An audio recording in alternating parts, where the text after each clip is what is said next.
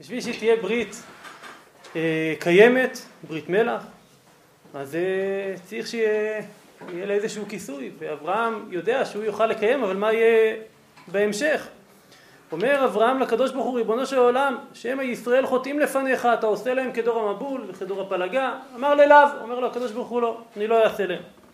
אמר לפניו ריבונו של עולם הודיעני במה עיר השינה בזכות מה לא יחזור העניין הזה של אה, הסרת הברית שלא יהיה כדור המבול, המבול וכדור הפלגה אמר לקחה לי עגלה משולשת ועז משולשת זאת אומרת אומר לו הקדוש ברוך הוא יש קורבנות קח ותקריב אתה קורבן וכך יעשו בניך ויקריבו קורבנות.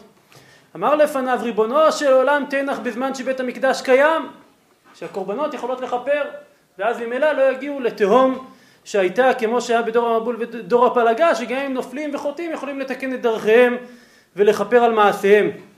בזמן שאין בית המקדש קיים מה תהיה עליהם? אמר לו כבר תיקנתי להם סדר קורבנות בזמן שקוראין בהן לפניי מעלה אני עליהם כאילו הקריבום לפניי ואני מוחל להם על כל עוונותיהם. אז מכאן למדנו את עניין הקורבנות, עניין הנשגב של סדר הקורבנות שאומרים ב, אה, לפני התפילה. אז יש לנו את אה, ברכות השחר, ברכות התורה שעסקנו בהן, סדר הקורבנות, ונשלמה פרים שפתנו אומר הנביא בהושע, ומיד לאחר מכן אנחנו מגיעים לפסוקי דזמרה שבזה יעסוק השיעור היום. בעניין פסוקי דזמרה, אז קודם כל לגבי המקור של פסוקי דזמרה מובא כמה גמרות יש שמתייחסות לעניין הזה. הגמרא במסכת שבת נמצאת לפניכם במקור הראשון בדף קי"ח עמוד ב' אומרת הגמרא אמר רבי יוסי איך חלקי מגומרי הלל בכל יום. שואלת על זה הגמרא איני האם יש עניין בדבר הזה של גומרי הלל בכל יום והמרמר הקורא הלל בכל יום הרי זה מחרף ומגדף. אתה אומר תודה תודה תודה כאילו אתה מראה שמשהו כאן חסר אומרת הגמרא, כי כאמרינן בפסוקי דזמרה, ההלל הזה שעליו אמר רבי יוסי, יהיה חלקי מגומרי הלל בכל יום, זה פסוקי דזמרה. אנחנו רואים את העניין של פסוקי דזמרה, הלל בכל יום. הריף בברכות בדף כ"ג עמוד א' לומד את עניין פסוקי דזמרה גם מהממרה הזאת, אבל הוא דורש את זה מעוד ממרה. מממרה בגמרא בברכות בדף ל"ב עמוד, עמוד א', סליחה, הגמרא אומרת דרש רבי שמלאי הממרה הזאת ממרה מפורסמת, לעולם יסדר אדם שבחו של הקדוש ברוך הוא ואחר כך יתפלל. הוא לומד את זה ממשה. הגמרא הזאת יש לה מקבילה במסכת עבודה זרה, שלומדים ממשה רבנו שאמר, כאשר הוא התפלל ויתחנן אל, אל השם בעת ההיא לאמר, אז כתוב מיד לאחר מכן, אתה אכילותה להראות את עבדך, את גודלך ואת ידך החזקה. משה רבנו בא ומשבח את הקדוש ברוך הוא, אשר מיאל בשמיים ובארץ אשר יעשיכם מעשיך וכי גבורותיך, וקריב בתרי, מיד לאחר מכן אעברנה ואראה. זאת אומרת, לפני שאתה בא לבקש, קודם כל תבוא ותשבח, ולכן סדר העניינים זה שקודם אדם צריך לסדר שבחו של הקדוש ברוך הוא ואחר כך להתפעל, תפילה זה בקשה. אדם לא יכול לבקש לפני שהוא עומד באותו מעמד שקודם כל אה, מאפשר לו את עצם העמידה וזה אותו שבח שכאשר האדם נכנס לפני מלך בשר ודם וקל וחומר בן של קל וחומר לפני מלך מלכי המלכים שראוי שישבח ויפאר ולאחר מכן יוכל לבוא ולבקש. ומכאן לומד, לומד הריף אה, גם מהמקור הזה את עניין אה, פסוקי דה זמרה. מקור נוסף שיש לנו לעניין פסוקי דה זמרה, שכך הובא בתוספות, התוספות למדו את זה מהמשנה בתחילת הפרק החמישי במסכת ברכות, המשנה אומרת אין עומדים להתפלל אלא מתוך כובד ראש. חסידים הראשונים היו שוהים שעה אחת ומתפללים כדי שיכוונו ליבם לאביהם שבשמיים. הגמרא מביאה ברייתא, תנו רבנן אין עומדים להתפלל לא מתוך דין, לא מתוך דבר הלכה, אלא מתוך הלכה פסוקה. יש שם אחר כך דיון שלם בגמרא, מהי אותה הלכה פסוקה, יש אה, דברים מפורסמים מאוד, גם העניין של אה, שבעה נקיים, אפילו ראה טיפה דם כחרדל יושבת עליו שבעה נקיים, כך אביי מביא, שזה הלכה פסוקה, השאו ההלכה פסוקה, כך מובא, מה שנקרא חומרת רבי זיירא, אז זה הלכה פסוקה, ברייתא מדברת על הלכה פסוקה, משנה על מה מדברת כאמור? כובד ראש. אומרת על זה הגמרא, רבנן עבדי כמתניתין, אומר רש"י מתוך כובד ראש, רב אשי כברייתא, היה עומד להתפלל מתוך הלכה פסוקה. תנו רבנן, אין עומדים להתפלל לא מתוך עצבות ולא מתוך עצלות ולא מתוך שחוק ולא מתוך שיחה ולא מתוך קלות ראש. שזה לכאורה המשך מסוים של מה שראינו במשנה. המשנה אמרה מתוך כובד ראש, אז לא קלות ראש, ולא מתוך דברים בטלים, אלא מתוך שמחה של מצווה. אולי אפשר להבין את זה בשני אופנים, או שזה ממרה שומעת מצד עצמה, או שזה ממרה שמבארת את דברי המשנה. המשנה אמרה על דרך השלילה, לא, לא מתוך, אה, כן, דווקא מתוך, אלא מתוך כובד ראש. מה זה מתוך כובד ראש? אז קודם כל צריך להבין מה זה לא, ומתוך זה אפשר להבין מה כן.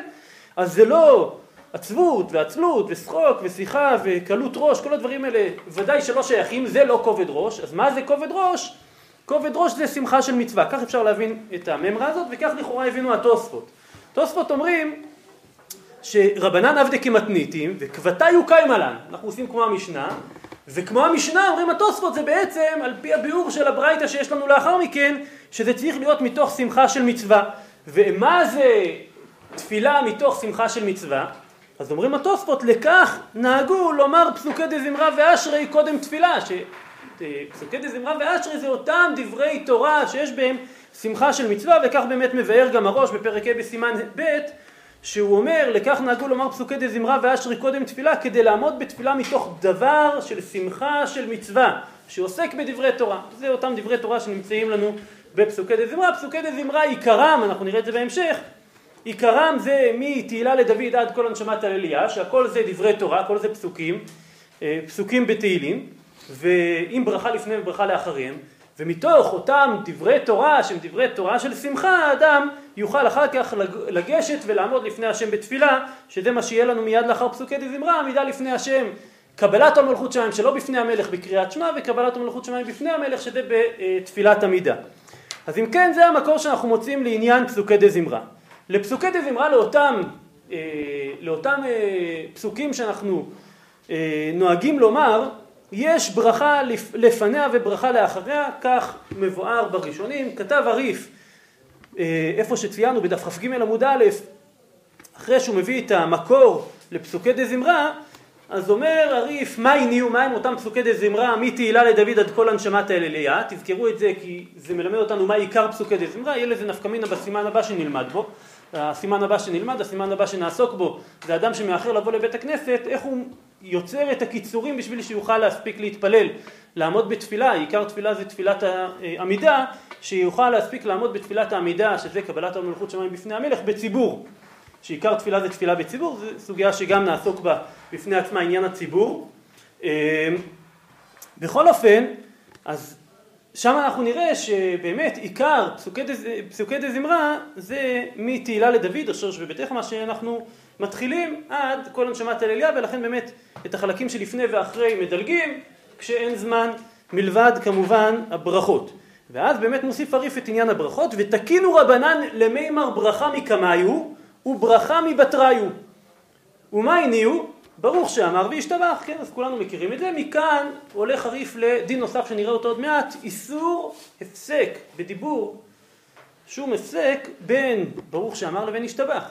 כי אם זה בעצם ברכה שלפני וברכה שאחרי, אז אי אפשר להפסיק באמצע אה, בין הברכות, ולכן אסור להפסיק בדיבור, זה הלשון של הריף מיד אחר כך, הילקח מבעל אל איניש דלא להשתעויי, לא להפסיק.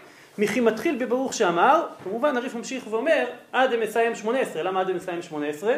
כי מי ברוך שאמר עד השתבח זה פשוט זה ברכה שלפניה וברכה שאחריו, כמובן הוא לא יכול להפסיק, בין ברוך שאמר, בין השתבח סליחה, ליוצר, אסור להפסיק, יש ירושלמי שאומר שהסך בין השתבח ליוצר, אווירה היא בידו וחוזר, וחוזר עליה מאורכי המלחמה, ממרה דרך אגב מקבילה לדין שכבר למדנו אותו בעניין תפילין, הסך בין תפילין של יד לתפילין של ראש, אווירה היא בידו, אז הירושלמי מביא את זה גם לעניין הסך בין אה, ישתבח ליוצר, אז אסור לדבר שעה, וכמובן אחרי יוצר יש לנו דינים של ברכות קריאת שמע, שזה משנה מפורשת, מתי מפסיקים, פני הכבוד וכולי, פני היראה, אז עקרונית ודאי שאסור להפסיק בברכות קריאת שמע, ולאחר מכן תפילת עמידה, קל וחומר בברכות קריאת שמע שיש איסור להפסיק, ושם יש גם, אה, אם הוא מפסיק בדיבור, אז זה צריך להתחיל אה, מההתחלה, זה דין שנלמד אותו גם בעזרת השם בהמשך.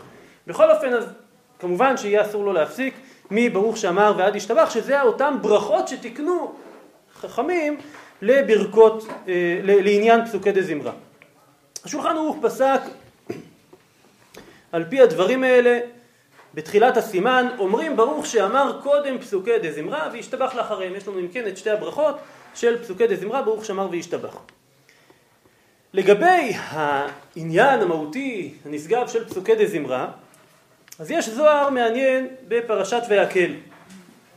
הזוהר בדף רט"ו עמוד ב' אומר הזוהר כך צלותא דברנש כמא דאמרתון אתון קדישי עליונין תפילה, התפילה של האדם אומר שם רשב"י אם אני לא טועה אומר את זה לתלמידים שזה באמת כמו שלימדתם בכל מה שהממרות שיש שם לפני כן כמו שאמרתם אתם הקדושים העליונים זכה חולקהון אה, זכה חולקכון אשרי חלקכם דהבצלותא מתקן גופי ונפשי דברנש ויתאביד שלים. אשרי חלקכם שהרי בתפילה האדם מתקן את גופו ואת נפשו ונעשה שלם. צלותא היא תיקונן מתקנן דמתקנן כחדה ואינון ארבע התפילה היא תיקונים שמתקנים ויש ארבע תיקונים שמתקנים על ידי התפילה מה הם ארבעת התיקונים? אומר הזוהר תיקון הקדמה, תיקון הדגרמלי השתלמה. תיקון הראשון, תיקון שהאדם מתקן את עצמו, להשתלם. תיקון התניאנה, תיקון השני שהאדם עושה בתפילה, תיקון הדהאי עלמא, תיקון של העולם, מתחיל מעצמו, מתקן את עצמו ומיד לאחר מכן מתקן את העולם. תיקון התליטה, תיקון הדעלמא לעילא, בכל אינון חילי שמעיה. תיקון השלישי זה תיקון של העולמות העליונים, כן, עם כל צבאות השמיים. תיקון הרביעה, תיקון דשם הקדישא ברזה דרתיכין קדישין, תיקון של השם הקדוש בסוד המרכבות הקדושות, רתיכין קדישין וברזה דעלמין כולו, אילה ותתא, בסוד העולמות כולם, העליונים והתחתונים, בתיקונה דרזין דשם הקדישא כדקייאות, כן, באותו תיקון של סוד שם הקדוש כראוי. אז זה ארבעת התיקונים, אנחנו לא ניכנס לעומק של הדברים פה אבל נמשיך בדברי הזוהר למה שהוא מביא לנו על ברוך שאמר. ממשיך הזוהר ואומר, תיקון הקדמה, אז אמרנו מה זה התיקון הראשון? תיקון שאדם מתקן את עצמו. תיקון הקדמה, תיקון הדגרמי של עצמו. בגין דאיץ צריך לתקנה, לתקנה גרמה במצווה וקדושה. על פי הארי יש אה, בעצם תיקון של ארבע, אה, של ארבע עולמות של אה, עשייה יצירה, בריאה ואצילות, שזה תיקון שמתקנים עליית העולמות שעושים בתפילה, והארי ז"ל מדבר על זה שבאמת התיקון הראשון של עולם העשייה הוא תיקון שקשור לאמירת הקורבנות שציינו בתחילת הדברים, ופסוקי דה זמרה, הארי ז"ל אומר בשאר הכוונות שזה אה, עניין של תיקון של עלייה של עולם היצירה. אז כך לכאורה גם משמע כאן, להיתק נגרמה במצווה וקדושה, מצווה וקדושה אה, יכול להיות שהכוונה כאן זה לציצית ותפילין, שדיברנו לפני כן, כשעסקנו בציצית ותפילין, שאדם מתעטף בציצית, מתעטר, מתקדש בתפילין, שם הקדישה, ש... אה, וראו כל המרת כי שם השם נקרא עליך, זה קידושה, ואז להיתקנה בקורבנין ועולבן להידקה, כן? ואז לתקן, להיתקן בקורבנין והעולות שעל ידי זה האדם נטהר, להידקה, להיטהר.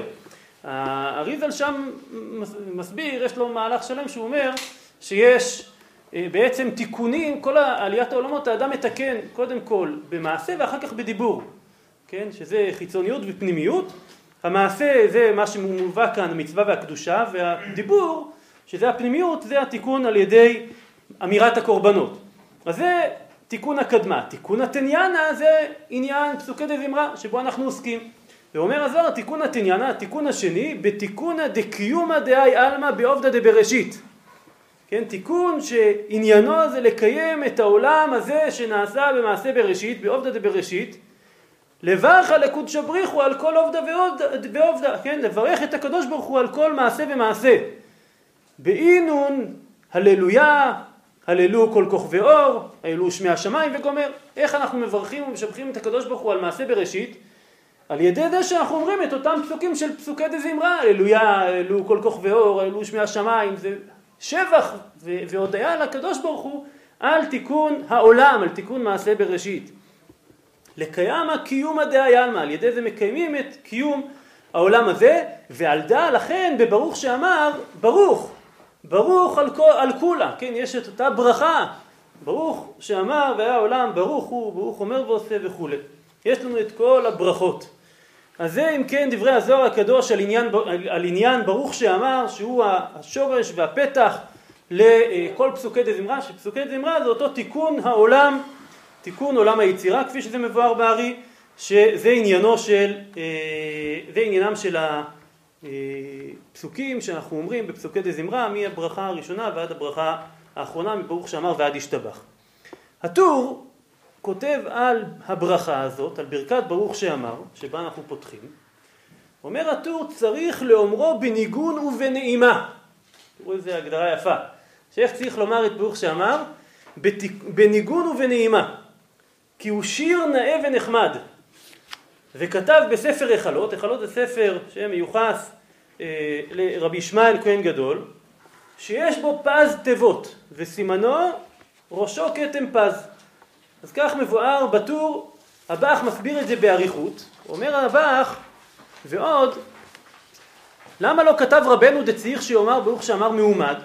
הבאח אומר, בסדר, אבל צריך להוסיף, הטור היה צריך להוסיף, זה נכון, אבל הוא היה צריך להוסיף על עניין ברוך שאמר, צריך להגיד אותו בנעימה וכולי, אבל צריך גם לומר אותו מעומד. ואז מביא לנו הבאח מקור מאוד מאוד יפה מתולעת יעקב, מספר תולעת יעקב, שכתב וזה לשונו. הוא מביא את תולעת יעקב מהאור זרוע, רבי יצחק מווינה.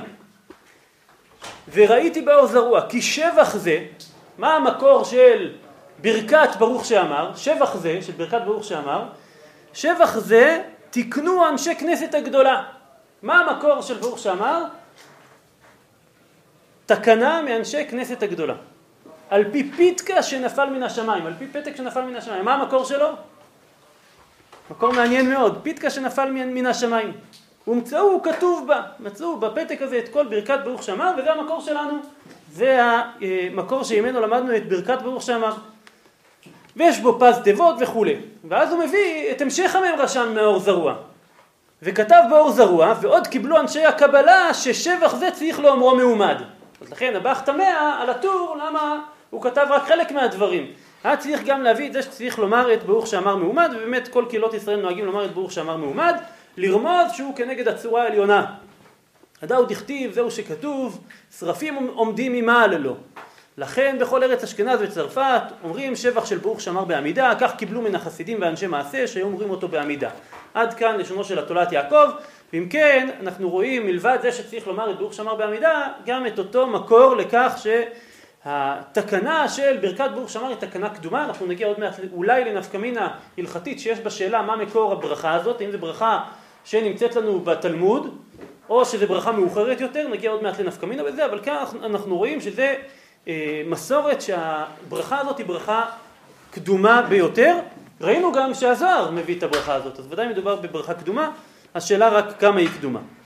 אה, המשנה ברורה מביא באמת את כל הממרה הזאת שהביא הבח בשם האור זרוע, שזה מאנשי כנסת הגדולה, ככה משנה ברורה, בסעיף קטן א', ואז הוא באמת שכותב שנכון לאומרו מעומד ואפילו ביחידי, ומביא המשנה ברורה על פי שאר הכוונות שצריך לאחוז את שתי הציציות שלפניו בשעת אמירת ברוך שאמר, ובסוף הברכה לנשק את הציציות, המקור שלו זה בשאר הכוונות, מגן אברהם הביא את זה משאר הכוונות, בשאר הכוונות האריזל באמת כתב שכשמגיעים לברוך שאמר צריך לקום, לעמוד, מה שראינו לפני כן מאור זרוע, אז כך מובא גם בארי הקדוש, שצריך לעמוד, כמו שהתבאר, וגם תאחוז בידך הימינית שני הציציות של הטלית, אותם שהם כנגד פניך, הקדמיים, ותכוון, ואז צריך לכוון, לא ניכנס כאן לכל הכוונה של האריזל, אה, גם כי אני לא מבין אותה וגם כי זה גבוה מעל גבוה, אבל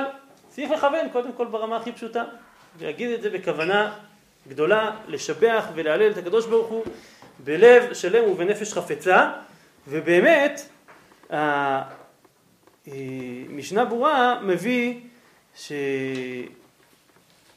עניין גם לומר בשמחה. הוא כותב את זה על, אה, על, אה, על אז ישיר, על שירת הים, שיש עניין להגיד בשמחה, כך הוא לומד את זה מהזוהר הקדוש, לשבח ולהלל את הקדוש ברוך הוא בשמחה. צריך גם לשמוח. כשאדם אומר, וזה אולי חלק מהכוונה, להגיד את זה בלב שלם ונפש חפצה. אה, כך הביא גם הבן איש חי על פי, על וכך כתב בכף החיים. אמ, כף החיים מביא משהו מעניין לגבי העניין של הראשו כתם פז, אה, ראשו כתר פז, אז הוא אומר לא ראשו כתם פז אלא ראשו כתר פז, כך הוא מביא, וכך הוא מביא את זה בשם סולת נקייה, שכתב בשם ספר הגן, שיש בו פ"ז תיבות, להודיע שכל מי שאומר ברוך שאמר בקול נעים ובכוונה, הקדוש ברוך הוא עושה לו כתר של פז. כן? אה, ממה שנאמר ראשו כתם פז. אז על הראש הוא עושה את אותו כתר של פז. אה, אז זה לעניין הערך הנשגב של ברכת ברוך שאמר. מבחינה הלכתית יש דיון בראשונים לגבי אמן בסוף ברכת ברוך שאמר. מה המחלוקת כאן? הראש כותב שאם אדם בירך ברוך שאמר וסיים לפני החזן, החזן סיים את הברכה, אז אומר הראש יענה אמן על ברכת החזן. השולחן ערוך פוסק את זה, אני כבר רץ קדימה והמשנה ברורה אומר בביאור הלכה, בדיבור המתחיל החזן, לאו דווקא חזן, כן? אורחא דמילתא נקט הוא הדין אם הוא שומע את סיום הברכה משאר האנשים שסביבו. אז האור, הראש אומר סיימת את הברכה, אתה לא באמצע הברכה, אז תענה אמן על ברכת החזן. אבל מביא הבית יוסף שיש חולקים. מה סברת החולקים אומר הבית יוסף? פשוט מאוד. אדם בירך ברכה, אם הברכה הזאת זה ברכה שלפניה, היא לא ברכת שבח שעומדת מצד עצמה, אלא ברכה שלפניה למה שהאדם הולך להלל ולשבח את הקדוש ברוך הוא בפסוקי דזמרה שיהיו לו לאחר הברכה, אז הברכה חלה על מה שיבוא לאחריה, ולכן יהיה אסור להפסיק. דרך משל, במקרה קיצון יש לנו את זה, אדם אה, ברך, בברכת הנהנים זה ודאי מפסיק עד כדי כך שיצטרך לחזור ולברך. אדם מברך על תפוח ואז מתעסק בדברים אחרים. מדבר, מפסיק וכדומה, צריך לברך עוד פעם, כי אין לברכה על מה לחול. אז גם כאן, דעת החולקים, אומר הבית יוסף, זה כיוון שאין לברכה על מה לחול, כי אדם מברך את הברכה, ברכת ברוך שאמר, על מה שהוא יעלל וישבח את הקדוש ברוך הוא לאחר מכן בכל פסוקי דזמרה. אבל אומר בית יוסף, ודאי שהלכה כדברי הראש, שיכול לענות אמן, בכל זאת למה? כי אפילו לשיטתם שזה צריך לחול על שבח והלל, מה זה אמן? אמן זה שבח של הקדוש ברוך הוא, ולכן אין בזה הפסק. יכול להיות שיש בעיה להפסיק, הוא לא, הוא לא מכריע בזה הבית יוסף, אבל הוא אומר גם אם נגיד שיש בעיה להפסיק, עדיין זה לא הפסק. אומר הבית יוסף, מיהו אפשר דעה חשני דפסוקי דזמרה נינו, ואמן שבח הוא, וכן זמרה, ולא אהבי הפסק. ולכן הוא אומר, לכאורה כאן באמת ההלכה כפשט דברי הראש, וכך באמת פסק השולחן ערוך אצלנו בסעיף ב', אם סיים ברוך שאמר קודם שסיים החזן, עונה אחריו אמן. יש כאן דיון ארוך בפוסקים לגבי האמן, בסוף ברוך שאמר פשוט שאומר. השאלה מה קורה אם הוא לא סיים, אם הוא לא סיים את הברכה. אז קודם כל כותב המשנה ברורה, שאם לא סיים פשוט שלא יענה אמן. אבל זה דווקא אם הוא כבר התחיל, ברוך אתה השם. כן, אם הוא רק בחלק הראשון של ברכת ברוך, ברוך שאמר, ששם הוא לא אומר את שם השם, כן? ברוך שאמר והעולם ברוך הוא וכולי, אז כל החלק הזה, אם הוא שומע ברכה, יכול לענות שם אמן. אבל אחרי שהתחיל ברוך אתה השם, כן, אל, אל מלך גדול וכולי, אז כאן הוא כבר לא יוכל להפסיק. כך כותב המשנה ברורה בסעיף קטן ב'. אה, עכשיו הוא מוסיף על זה שהמגן אברהם כתב אה, שיכול לענות אמן באמצע ברכת ברוך שאמר או ישתבח. למה אומר מגן אברהם? זה מה שאמרתי לכם לפני כן, שיהיה נפקא מינה בשאלה מה מקור הברכה. אומר המגן אברהם, כיוון שהברכה הזאת לא הוזכרה בגמרא. כיוון שהיא לא הוזכרה בגמרא, יכול לענות אפילו באמצע ברכת ברוך שאמר הוא ישתבח, שזה ברכות שלא הוזכרו בגמרא. אבל כף החיים כתב לחלוק עליו, הוא מביא מאחידה, כף החיים בסעיף קטן י"א הביא מאחידה שהביא את דברי הארי, שמשמע שברוך שאמר זה ברכה קדומה, ולכן הוא כותב שמשמע, שמדברי הארי משמע שבאמצע ברוך שאמר לא יענה אמן.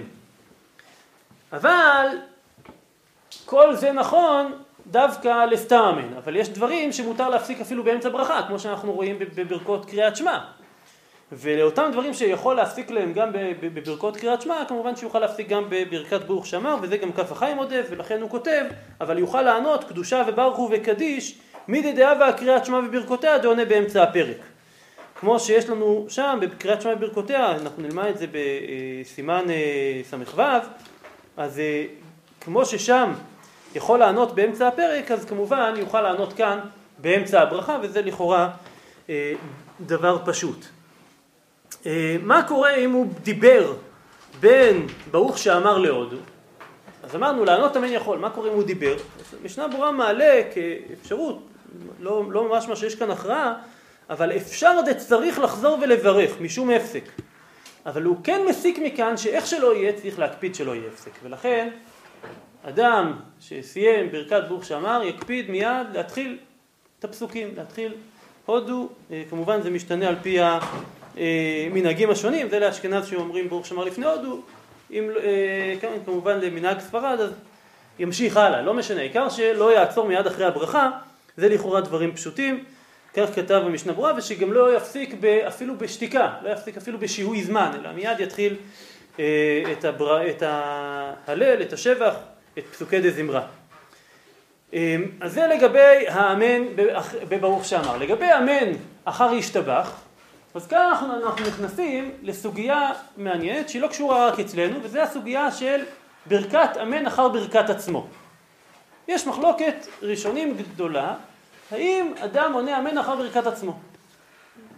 אתם די מכירים את זה, מחלוקת האשכנזים והספרדים למעשה, אבל בואו נראה את יסוד, יסוד הדין הזה. המקור לגמרא, לדין הזה זה גמרא במסכת ברכות בדף מ"ה עמוד ב'. הגמרא אומרת תני חד העונה אמן אחר ברכותיו הרי זה משובח ותני עיד אחרי זה מגונה.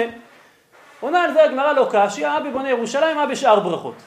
עכשיו נחלקו הראשונים, האם מה שנאמר בונה ירושלים זה אב טיפוס, או שבונה ירושלים בדווקא. אה, רך, רבנו חננאל ובא כבר הלכות גדולות, משמע מהם ש... אה, ירושלים זה לא, לא, לא בדווקא, אלא כל ברכה שהיא סיום עניין, יכול לענות אמן אחר הברכה. ברכה שהיא לא סיום עניין, עוד לא סיימת עניין, מה אתה עונה אמן? כאילו סיימת? תמשיך, תסיים, ואז תענה. אבל כל ברכה שהיא סיום עניין, כמו בונה ירושלים, שזה סוף אה, ברכת המזון שנתקנה אה, מדאורייתא, חכמים הוסיפו את הברכה הרביעית, אבל לסוף הברכות הראשונות שנתקנו מדאורייתא, אז כאשר האדם סיים את החלק הזה של הברכה, אז עונה אמן כי זה סוף סדר ברכות. כך משמע בדברי אה, רבנו חננאל ובהאג, וכך הביא בשמם התוספות, אלא שהתוספות כתבו שמי אה, פוק חזי מה ים הדבר, לא נהגו כך. זהו, ראה שלא נהגו כך. שלא נהגו לענות אמן אלא אחר בונה ירושלים דברכת המזון. וזה באמת המנהג הרווח באשכנז, אנחנו נראה את זה עוד מעט בדברי הרמ"א. אז אם כן, התוספות לומדים את הגמרא בדף מ"ה כפשוטה, שהא בבונה ירושלים היה בשאר ברכות, בונה ירושלים דייקה, ובשאר ברכות לא, לא עונה אמן כלל ועיקר. בית יוסף הביא שהראש כתב וסתם כדברי רך ובהג, והמשיך הבית יוסף והביא שכך נראה מדברי הריף ורש"י ורבנו יונה. והוא מביא מה הטעם לדבר הזה, כפי שציינו מקודם, הוא מביא את הטעם על פי רבנו יונה, שהטעם מפני שכשאומר אמן בסוף כל הברכות, מורה שכבר גמר כל הברכות, ולכן זה תקין, זה דבר שהוא הגיוני. ואין לו לומר יותר, אבל כשעונה אמן בסוף כל ברכה וברכה, הרי זה בור, שמראה בכל פעם ופעם שמסיים, אומר אמן, כאילו יהיה אמת, נותן תוקף וקיום לברכה שהוא בירך, וכביכול סיים את מה שהוא בא לומר, אבל אז חוזר ואומר אחר כך ברכה אחרת, לכן הוא נראה כבור ולכן הרי זה מגונה. אז כך הטעם שהביא רבנו יונה. שיטה שלישית היא שיטת הרמב"ם. מהרמב"ם עד עכשיו ראינו את שיטת רך ובאג שמשמע מהם שזה סוף, כאשר זה סוף עניין, ברכה שהיא סוף עניין אז מברך עליה. הרמב"ם יש לו שיטה שהיא דומה לשיטת רך אבל יש בה איזשהו שוני. מהרמב"ם משמע שכל ברכה שהיא סמוכה, מברך, אה, מברך על ה... בסוף כל רצף ברכות מברך, כל רצף ברכות באשר הם. ורק לא עונה אמן אה, אחר ברכה אחת, אבל כל עוד הוא מברך שתי ברכות ברצף, אז הוא עונה אמן בסופם. כך משמע מפשט דברי הרמב"ם, כך הרמב"ם בהלכות ברכות בפרק א' הלכה י"ח. אומר על פי זה הבית יוסף, אם כנים הדברים, אז ברמב"ם, אחרי ברכה אחת, לכאורה לא עונה אמן. אז אחרי השתבח עונה אמן או לא עונה אמן לפי הרמב"ם? אם זה סוף עניין, אז עונה אמן, זה על פי הראש, אבל אם זה דווקא אחת או שתיים, השתבח זה ברכה אחת. אין לה ברכה שסמוכה לה. לפני זה בירך את ברוך שאמר, אבל סמוך לה ממש אין. לפני ברוך שלפני השתבח, הוא אמר את שירת הים. אז האם עונה אמן אחרי השתבח או לא? אומר הבית יוסף, נראה מדברי הרמב"ם, לפי דבריו אין עונים אמן אחר השתבח ולא אחר יהללוך וכולי. אבל אז מציע בית יוסף שאולי גם לשיטת הרמב"ם כן שייך לענות אמן, וכל זאת למה? כי כל פסוקי דזמרה זה הלל ושבח. ממילא אין כאן שום הפסק בין ברוך שאמר לבין השתבח, כפי שהסברנו בתחילת הדברים.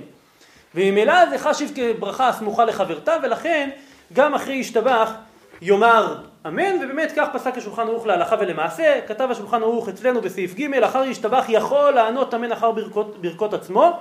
בהלכות, בברכות הפירות, בסימן רט"ו, אז השולחן ערוך הביא את זה ביתר ביאור. הוא כותב כשיטת הרמב"ם, כתב השולחן ערוך אין עונה אמן אחר ברכותיו אלא אחר שתי ברכות או יותר שהן סוף ברכות. שזה ממש כשיטת הרמב"ם. על פי זה לא היה צריך לומר לכאורה אמן אחר ישתבח, ממשיך השולחן ערוך וכותב שם, ונהגו לענות אמן אחר יעללוך ואחר ישתבח. ולכן למעשה אה, עונים אמן, וכפי שכתב הבית יוסף אצלנו, יכול להיות שבאמת אין סתירה בדבר הזה, לא רק מנהג, אלא כך עיקר, עיקר הדין לגבי ישתבח, ויעללוך, כי זה ממש רצף של ברכות. אבל איך שלא יהיה ככה מנהג, על פי השולחן ערוך, לענות אמן אחר ישתבח. כתב על זה הרמ"א, הרמ"א מביא לנו את דברי התוספות. מה התוספות אמרו? פוקחא זה מהם הדבר, שמה? שלמעשה לא נוהגים לענות אמן אלא אחר ברכת בוני ירושלים. כתב הרמ"א ויש אומרים שאין עונים אמן רק אחר ברכת בוני ירושלים וברכת המזון. כן המנהג פשוט במדינות אלו ואין לשנות. ובמקומות שנהגו לענות אמן אחר יעללוך וישתבח יענה גם כן אחר ברכת שומר עמו ישראל עד כך דברי הרמ"א בסימן רט"ו. אם כן זה באמת המנהג הרווח. בני אשכנז לרוב לא נוהגים לענות אמן אחר ברכת אה, ישתבח, אחר ברכת עצמו כשאומר ישתבח כמובן, כאשר שומע את החזן ודאי שעונה אמן. אבל בני ספרד נוהגים לבר...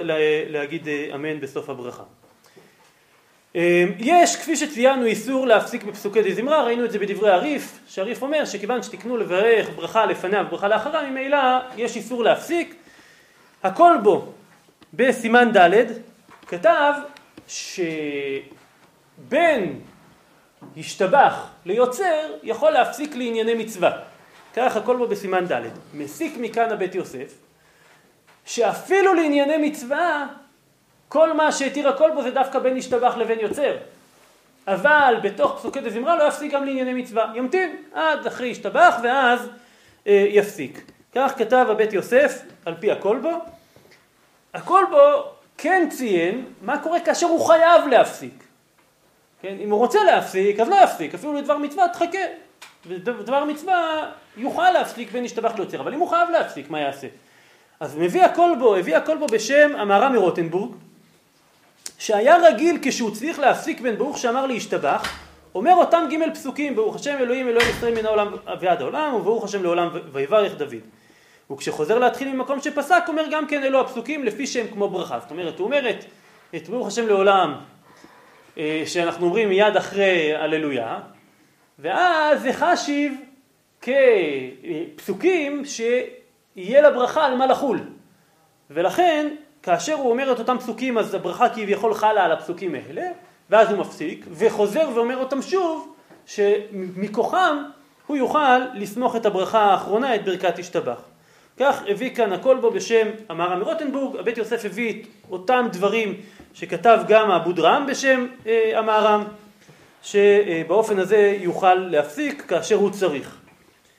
אה, השולחן ערוך פסק באמת שצריך להיזהר, ככה לשון שלו בסעיף ד', צריך להיזהר מלהפסיק בדיבור משיתחיל ברוך שאמר עד סוף י"ח, עד סוף תפילת עמידה. אה, לכאורה אפשר לדייק מכאן, ממה שהשולחן ערוך, עכשיו שאני קורא, אז לא ראיתי מי שכתב את זה, אבל צריך לעיין, מכל מקום, השולחן ערוך כותב כאן צריך להיזהר, הוא לא כותב אסור. למי נפקא מינה?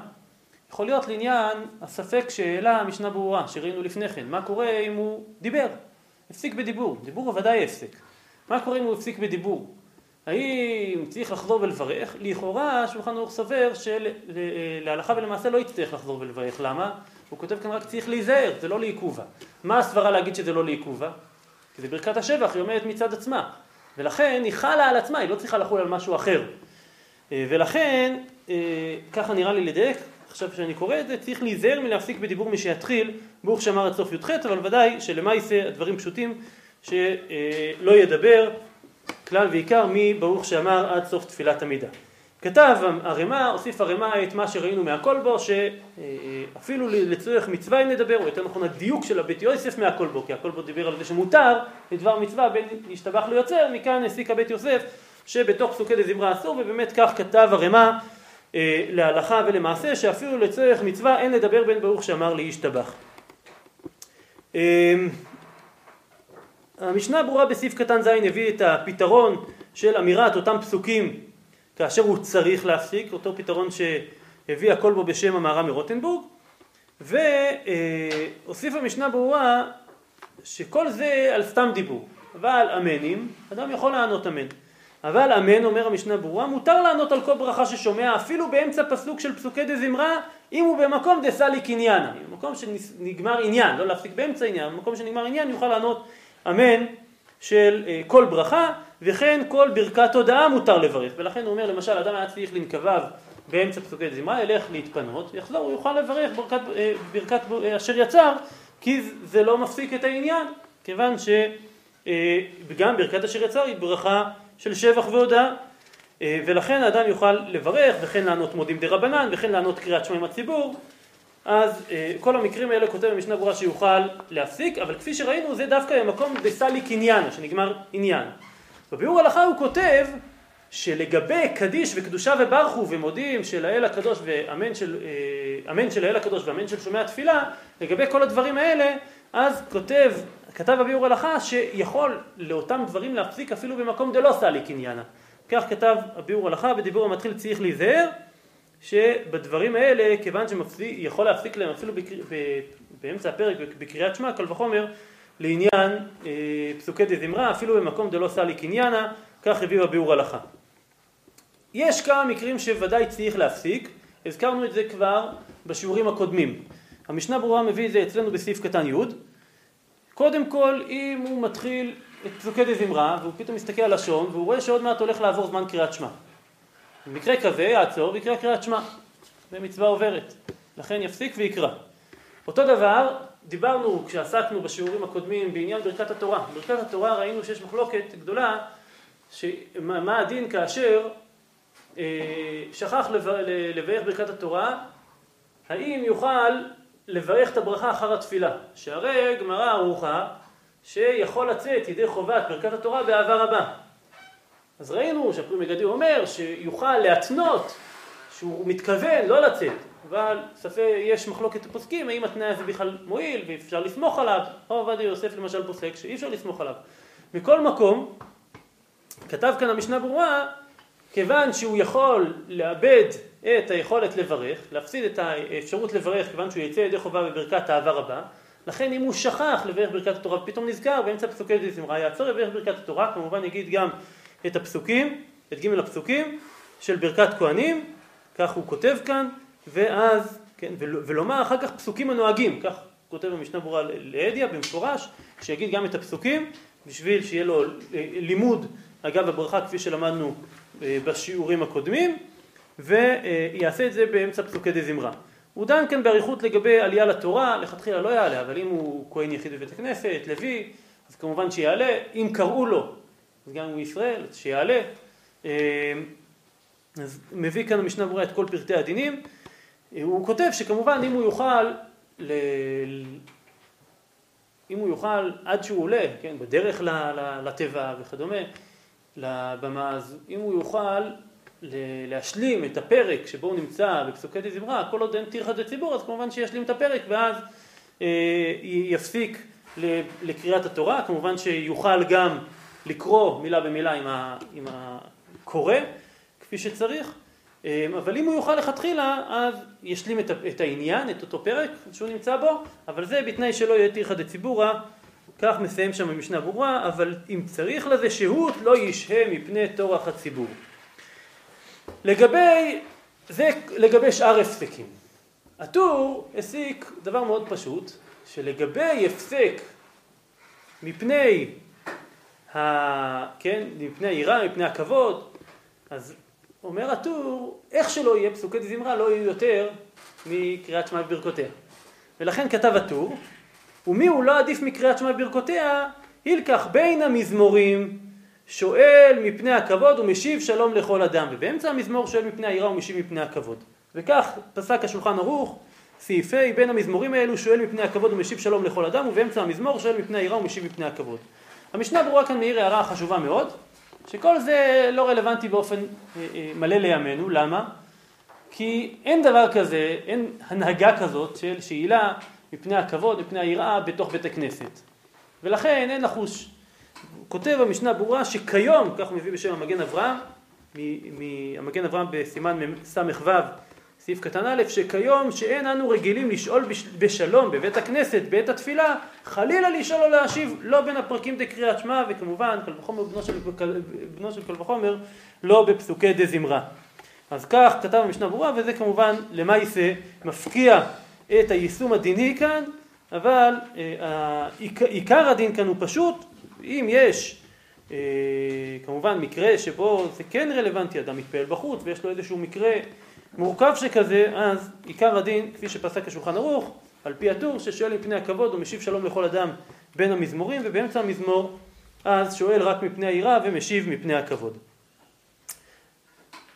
הדין הבא שיש לנו זה אמירת תהילה לדוד. תהילה לדוד, מה שאנחנו קוראים לו אשר יושבי ביתך. קוראים לו אשר יושבי ביתך בגלל הפסוק, שני הפסוקים שאנחנו מקדימים, מוסיפים לתהילה לדוד.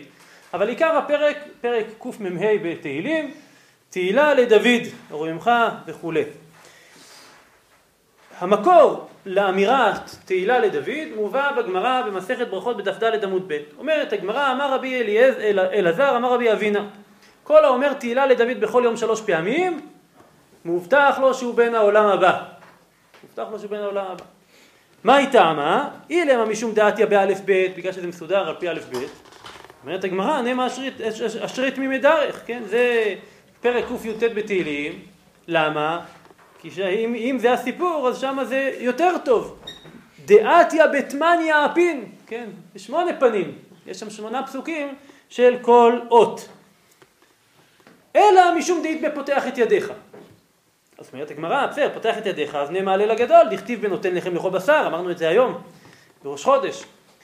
נותן לחם לכל בשר, אלא משום דאית בתרתי. כן? כיוון שיש את שניהם, לכן אנחנו אומרים את תהילה לדוד. אומר רבנו יונה, מה העיקר פה בפרק מצד התוכן שלו, מצד המבנה א' ב', מצד התוכן פותח את ידיך. אומר רבנו יונה, מכאן מה אנחנו למדים?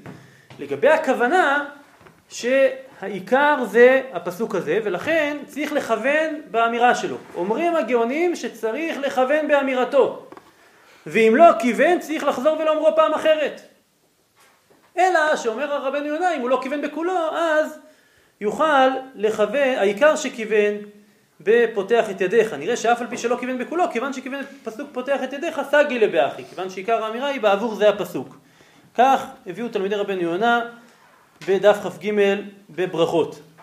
בספר אוהל מועד כתב דבר מעניין מאוד על הממרה הזאת, כן? כתוב שהאומר תהילה לדוד בכל יום, אז מובטח לו שהוא בן העולם הבא. אז קודם כל הוא כותב שם שזה כנגד ג' תפילות, לכן ג'. אבל, מה זה מובטח לו שהוא בן העולם הבא? האדם אומר, ויאללה, בן העולם הבא, תגיד כך וכך ותזכה, צריך לעשות מעשים, צריך לפעול פעולות. אמירה בעלמא. אז עונה על זה האוהל מועד שם, כלומר, שמצווה, כאן יש שתי גרסאות, נקרא קודם כל בגרסה של הבית יוסף, היא גרסה יותר פשוטה. כלומר שמצווה מכרעת, היא מכוון ליבו לזה, שאמרנו, אבל משום מצווה זו בלבד, אינו בין העולם הבא. זאת אומרת, ודאי שמשום העניין הזה בלבד הוא לא בין העולם הבא. יהיה בין העולם הבא אם יזכה לתקן את מעשיו ואת הליכותיו ואת אורחות חייו בכל חייו. כן. אלא מה? המצווה הזאת היא מכרעת. זאת אומרת, יש לה כוח סגולי גדול מאוד לחזק ולתקף את הזכות להיות בן העולם הבא. אז כך מביא אה, אה, בית יוסף איזשהו אה, ביאור לגמרא על פי האוהל מועד, מכרעת. כך הלשון. אבל בגרסת הדפוס לפנינו בספר אוהל מועד לא כתוב מכרעת, מה כתוב מכרחת. מכרחת, מה זה מכרחת? אז ראיתי מי שהוציא בהוצאה הראשונה של הספר אוהל מועד, זה ספר שיצא אה, וכמעט לא מוזכר בפוסקים, הבית יוסף מביא אותו קצת, היה ספר יחסית נידח מהראשונים, והבית יוסף מזכיר אותו בכמה וכמה מקומות, אבל הוא לא היה ספר אה, מאוד שכיח, וממילא הדפוס שלו היה מאוד משובש, כי זה לא היה ספר שהוא העתק הרבה. אה, ומי שהוציא אותו היה הרב אה, חיים אברהם גגין, שהיה הראשון לציון בירושלים לפני כ-150 שנה. והוא כתב עליו כמה ביאורים. יש לו שם ביאור שנקרא יריות האוהל. והוא אומר שלא צריך לרוץ לתקן, לתקן את הגרסה כמו הבית יוסף. הוא אומר, מה זה מכרחת? יש פה שם מהלך ארוך מאוד, שהוא מסביר, מכרחת, הוא מביא בפילוסופיה של חכמי ימי הביניים, מהרמב"ם, דרך בעל העיקרים ועוד, שמכרחת, יש לנו הנהגה שהיא הנהגה מכרחת. מה זה הנהגה מכרחת? הנהגה אלוקית שהיא לא הנהגה של השגחה פרטית, אלא הנהגה שמכרחת את קיום המציאות. זו הנהגה שהיא, הוא קורא לה הנהגה של המין, של בעלי החיים, של הבריאה, של ההוויה, ויש הנהגה שהיא הנהגה פרטית. אז הוא אומר שהאשר יושבי ביתך תהילה לדוד, מה יש בה? פותח את ידיך ומשביע לכל חי רצון. במה זה עוסק? בהתבוננות, בהשגחה, הוא קורא לה השגחה המינית. ההשגחה המכרחת. זה מכרחת שכתוב שם באוהל מועד. על ידי זה שאדם מתבונן בהשגחה הזאת, ממילא זוכה להידבק בבורא עולם ומכוח זה להיות בין העולם הבא. אז ככה הוא מסביר, הסבר יפה מאוד, הוא מסביר את זה באריכות, אני מקווה שדייקתי בהבנת דבריו. מכל מקום, תהילה לדוד, אנחנו רואים, יש בה עניין גדול ונשגב, לומר אותה ג' פעמים ביום, וכך פסק השולחן ערוך, צריך לכוון, שולחן ערוך בסעיף ז', צריך לכוון בפסוק פותח את ידיך, ואם לא כיוון צריך לחזור ולאומרו פעם אחרת. כן, כותב המשנה ברורה על פי החיי אדם שצריך לאומרו מהפסוק הזה עד הסוף, לא רק את הפסוק אלא מהפסוק אה, של פותח את ידיך עד סוף המזמור, אם אין לו זמן אז אומר המשנה ברורה יגיד את החלק הזה בסוף התפילה, אבל צריך לחזור ולומר אותו כיוון ש... אה, בו עניין נשגב וגבוה, ולכן עיקר עניינו זה הפסוק הזה וצריך לכוון בו. תהילה לדוד, כמו שאנחנו יודעים, אנחנו מקדימים לו שני פסוקים קודם. אשרי יושבי ביתך. מה המקור להקדים את אשרי יושבי ביתך? אומרים בעלי התוספות בדף ל"ב, שזה מאותם אמרה שראינו לפני כן במשנה, החסידים הראשונים היו שוהים שעה אחת. הגמרא שואלת על זה מנעני מילה, מאיפה, מה היה המקור שלהם לשהות שעה אחת? אומרת הגמרא, אמר רבי יהושע בן לוי, אמר קרא אשרי יושבי ביתך. כתבו על, על, על זה התוספות, לפיכך תקנו לומר, זה הפסוק קודם תהילה לדוד. כן, שקודם תהילה לדוד, יאמר אשרי יושבי ביתך, כך הביאו בעלי התוספות. לתהילה לדוד יש לנו גם חתימה. מה החתימה? ואנחנו נברך יה מעתה ועד עולם, הללויה. המקור של זה מה שמצאתי, הקדום, הקדום ביותר, זה בסדר רב עמרם גאון. כתב שם בסדר רב עמרם גאון, על פסוקי דזמרה, ומוסיפין בתר לעולם ועד, ואנחנו נברך יה. מה הסברה שהוא מביא? למה להוסיף את הפסוק הזה? הלשון שלו כדי לשלשו להללויה בתר הללויה. מיד אחר כך, מה יש לנו? כל פרק מתחיל בהללויה, מסתיים בהללויה, בשביל שיהיה לנו חיבור להללויה הראשון, הללויה, אה, אה, אה, כן, בשביל ההללויה הראשון, לכן אנחנו מסיימים בפסוק שיש, שמסתיים בהללויה. ולכן אנחנו ברכיה מעתה ועד עולם ההללויה. ואז הללויה אלי נפשי וכולי.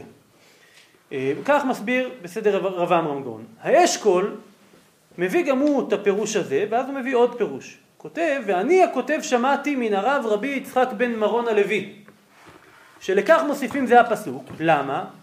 כי מה אמרנו? האומר תהיה דוד בכל יום מובטח לו שבין העולם הבא, אז על זה אנחנו מבקשים ומתפעלים. ואנחנו נברך יא מעתה ועד עולם, גם לעולם הבא, הללויה. ולכן אנחנו מבקשים על העניין הזה. כך הביא האשכול.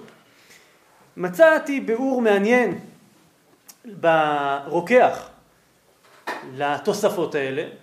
אומר הרוקח בפירושי סידור התפילה שלו בעמוד קס"ה אז כותב הרוקח מן אשרי יושבי ביתך עד שהשם אלוהיו, שני הפסוקים שאנחנו מוסיפים לפני תהילה לדוד, הוא אומר יש לנו שמה י"ד תיבות ובסוף תהילה לדוד אנחנו מוסיפים פסוק ואנחנו ברכיה ומעתה ועד עולם הללויה כמה תיבות זה? ח' תיבות הרי כ"ב אז יש לנו כ"ב תיבות שזה כ"ב אותיות של תורה ולכן תקנו להוסיף את זה כך מסביר הרוקח הכל בו בסימן ד' מביא את המנהג הזה מצאתי, כך הוא כותב, מצאתי מה שנהגו לומר באשרי ואנחנו ביחיה וכולי.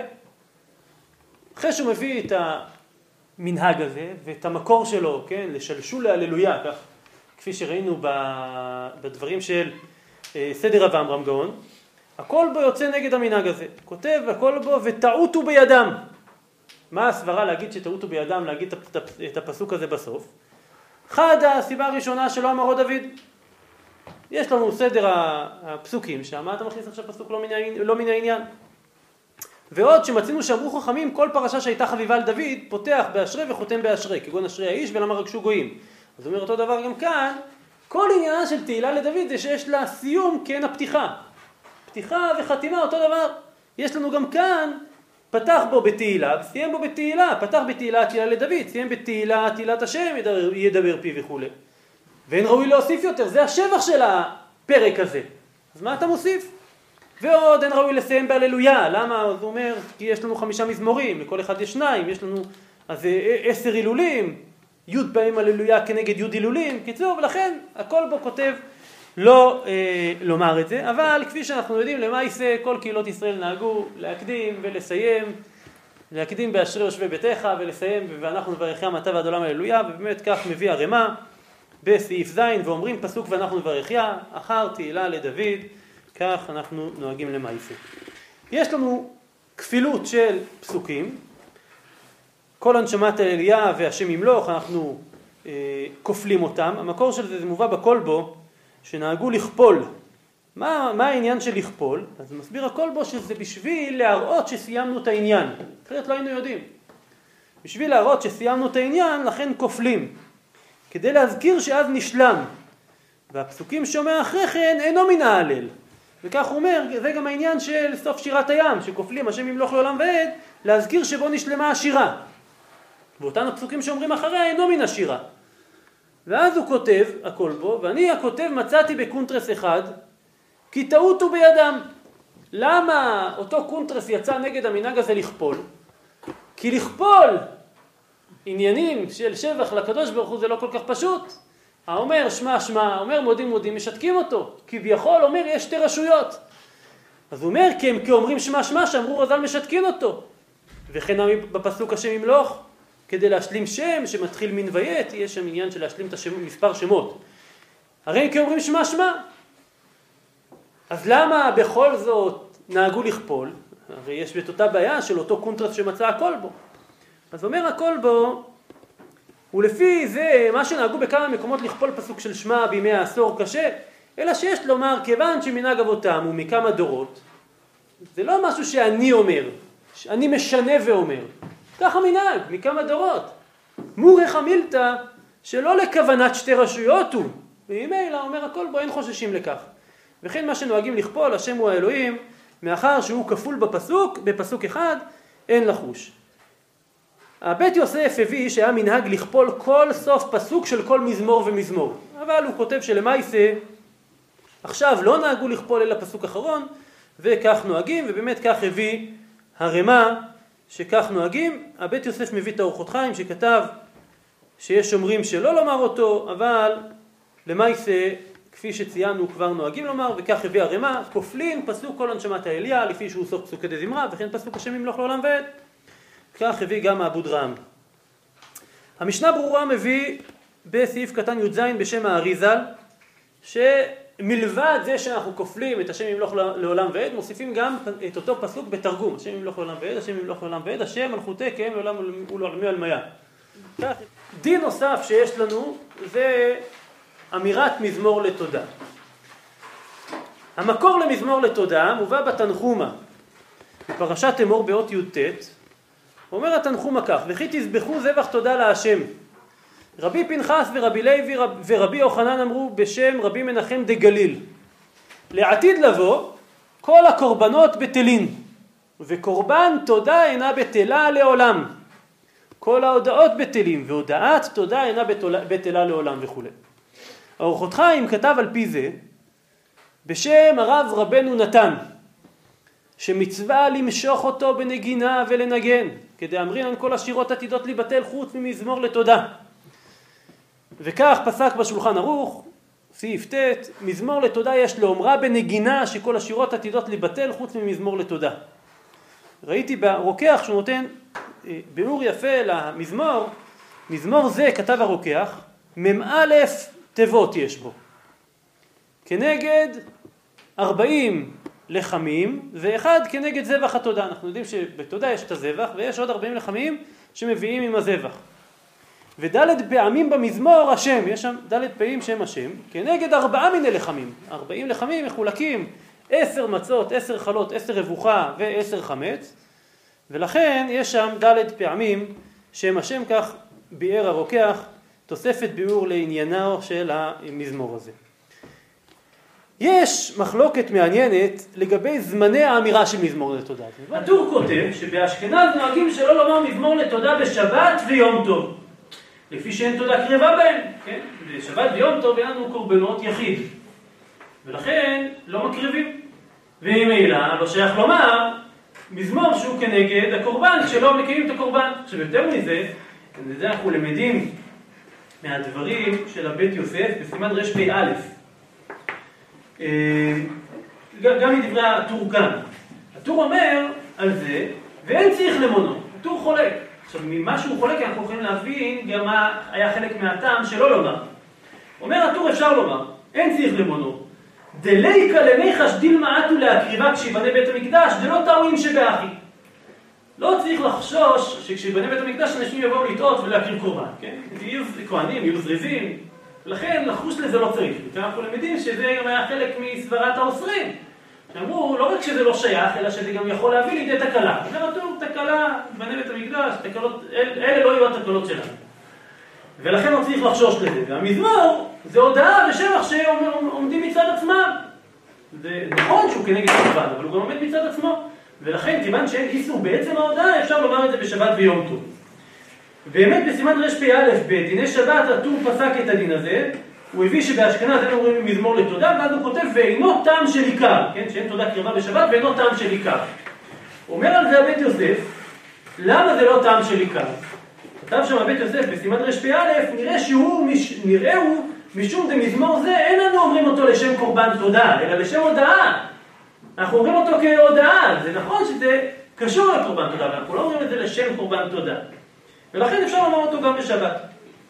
הרמ"א אצלנו בסעיף ז' כן כתב כמנהג אשכנז שהביא הטור, אין אומרים מזמור לתודה בשבת ביום טוב, ומוסיף כאן הרמ"א או בימי פסח, כן, כי זה אותו טעם שאין תודה קרבה משום חמץ, בתודה אמרנו שיש עשר חלות שהן חמץ, אה, אז לכן גם לא אומרים אותה לפסח, וממשיך הרמ"א וכותב ולא בערב פסח, כן, כי גם ערב פסח למרות שחמץ מותר, בכל זאת הוא מחסר מהאכילה שלה, כי התודה נאכלת ליום לילה ויום, ואחר כך היא תהיה אסורה, ולכן גם לא בערב פסח, ולא בערב יום הכיפורים, עוד פעם, למה לא בערב יום הכיפורים? כי ביום הכיפורים יש לנו בכלל איסור אכילה, אז לכן לא מקריבים שם, וכן נהגו במדינות אלו, כך כותב הרמ"א. כף החיים הביא שנהגו, אה, שכן נהגו לומר גם בערב פסח וגם בחול המועד פסח, כך הוא מביא משארית כנסת הגדולה, שהמנהג, כן, לומר בערב פסח בכל המועד פסח, כך הוא הביא בשם הפרי חדש, ועוד פוסקים שפסקו, שהנהיגו לומר את מזמור לתודה גם בזמנים האלה, ולאחר מכן הוא כותב שהוא הדין גם לגבי ערב יום הכיפורים, שהפרי חדש כתב בכנסת הגדולה, שכן נהגו לומר את אה, מזמור לתודה. נסיים בפסק השולחן ערוך בסעיף ח' לגבי אופן האמירה של פסוקי דה זמרה. המקור לפסק המחבר בדברי ארוחות חיים. ארוחות חיים כתב בשם רב, רבנו נתן, אותם בני אדם האומרים פסוקי דזמרה במרוצה, כשיש שם מניין, לא יאות עבדין, שמקצרין שבחו של מקום בשביל שאלת צורכם. היש מושל שיתרצה בכך? אתה רץ, ככה מישהו יקשיב לך אם תגיד את זה במרוצה. אתה עומד בפני המושל, אתה עומד בפני המלך, ספר לו שבחו, תגיד את זה בצורה ראויה, בצורה רהוטה. וכך פסק השולחן ערוך, אין אומרים הזמירות במרוצה כי אם בנחת. מה זה בנחת? מה זה שלא יהיה במרוצה? אומר המשנה ברורה סעיף קטן כ', שלא ידלג שום תיבה ולא יבליהם, אלא יוצאים מפיו כאילו מונה מעות, לאט לאט. כל מילה עומדת מצד עצמה, כמו שכל מעה עומדת מצד עצמה. הכף החיים, ראיתי בסעיף קטן מ"ו, העריך על העניין הזה, כתב מאוד מאוד יפה. כתב הכף החיים, יתעורר מאוד ביראה ואהבה והכנעה ושמחה. שימו לב, ביראה ואהבה, והכנעה ושמחה. לומר כל הזמירות, ובפרט השם מלך, ויזהר שלא לבלוע התיבות או האותיות, ובפרט האזכרות, וידע נאמנה, כי בכל אות ואות יש סודות נוראות להפליא. ודי לנו צער בנגוע, כי לא איתנו יודע עד מה בסדר עליית העולמות והייחוד העליון על פי מידותיו. ותחסנו כלימתנו, ולפחות ניזהר לומר התיבות במספרם כמשפט. אנחנו לא מבינים בדיוק איך זה, אבל לפחות כיוון שאנחנו יודעים שזה ככה, זה מעלה את העולמות, אז ניזהר לעשות את זה בצורה מתוקנת. ניזהר לומר התיבות במספרם, כמשפט, ולהבין פשטן ביראת השם. ולידע דרך כלל, כי הכל סודות עמוקים ולצורך הייחוד. כך הביא כף אחד בשם ציפורן השמיר. דבר נוסף, בוא נסיים, שכתב כף החיים מיד לאחר מכן בסעיף קטן מ"ז, דבר שממש נהניתי ממנו ולא יכולתי שלא להביאו, מביא כף החיים את עמי הארצות, שאומרים את פסוקי דזמרה בלי להבין, אותם הקוראים פסוקי דזמרה בקול רם ונעים זמר, ואינם יודעים הפסוקים, ואומרים בטעות,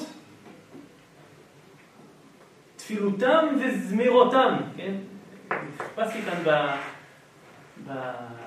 בנוסח המדויק, הסתכלתי בכמה דפוסים. לא כתוב כאן תפילתם וזמירותם, אלא תפלותם זה יכול להיות, כן? אין, אין יוד אחרי, הפ', לאו דווקא, אבל אפילו אם זה כזה, כיוון שמה זה מבחינתם? תוך כוונה עליונה. למה? כי השם ציווה. אז אומר על זה כף החיים, אינם יודעים הפסוקים, ואומרים בטעות תפילותם וזמירותם. מתקבל כריח ניחוח. וזה אמרו חז"ל, רחמנא ליבא בעל. מתקבל כריח ניחוח. גם הקדוש ברוך הוא שמח עליו.